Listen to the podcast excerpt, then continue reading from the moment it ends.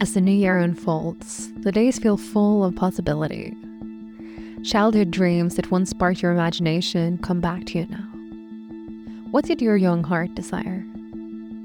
How can you shape each day to align more fully with that vision? Though comfort and validation may lure close at hand, fulfillment arises from courageous creativity, from crafting a life that's truly your own.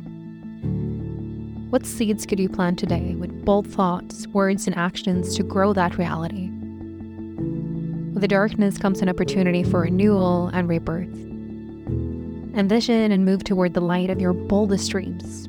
Shape the world around you as a manifestation of your deepest truths.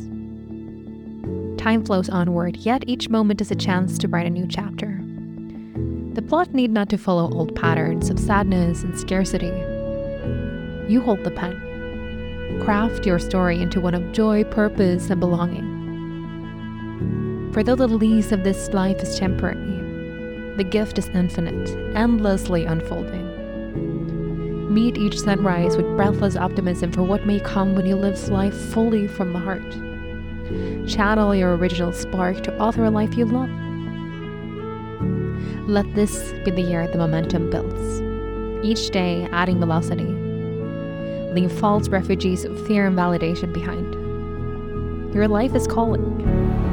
Take the leap into bold unknown possibilities. Answer that call with wild, unapologetic devotion to being exactly beautifully who you are. The time is now.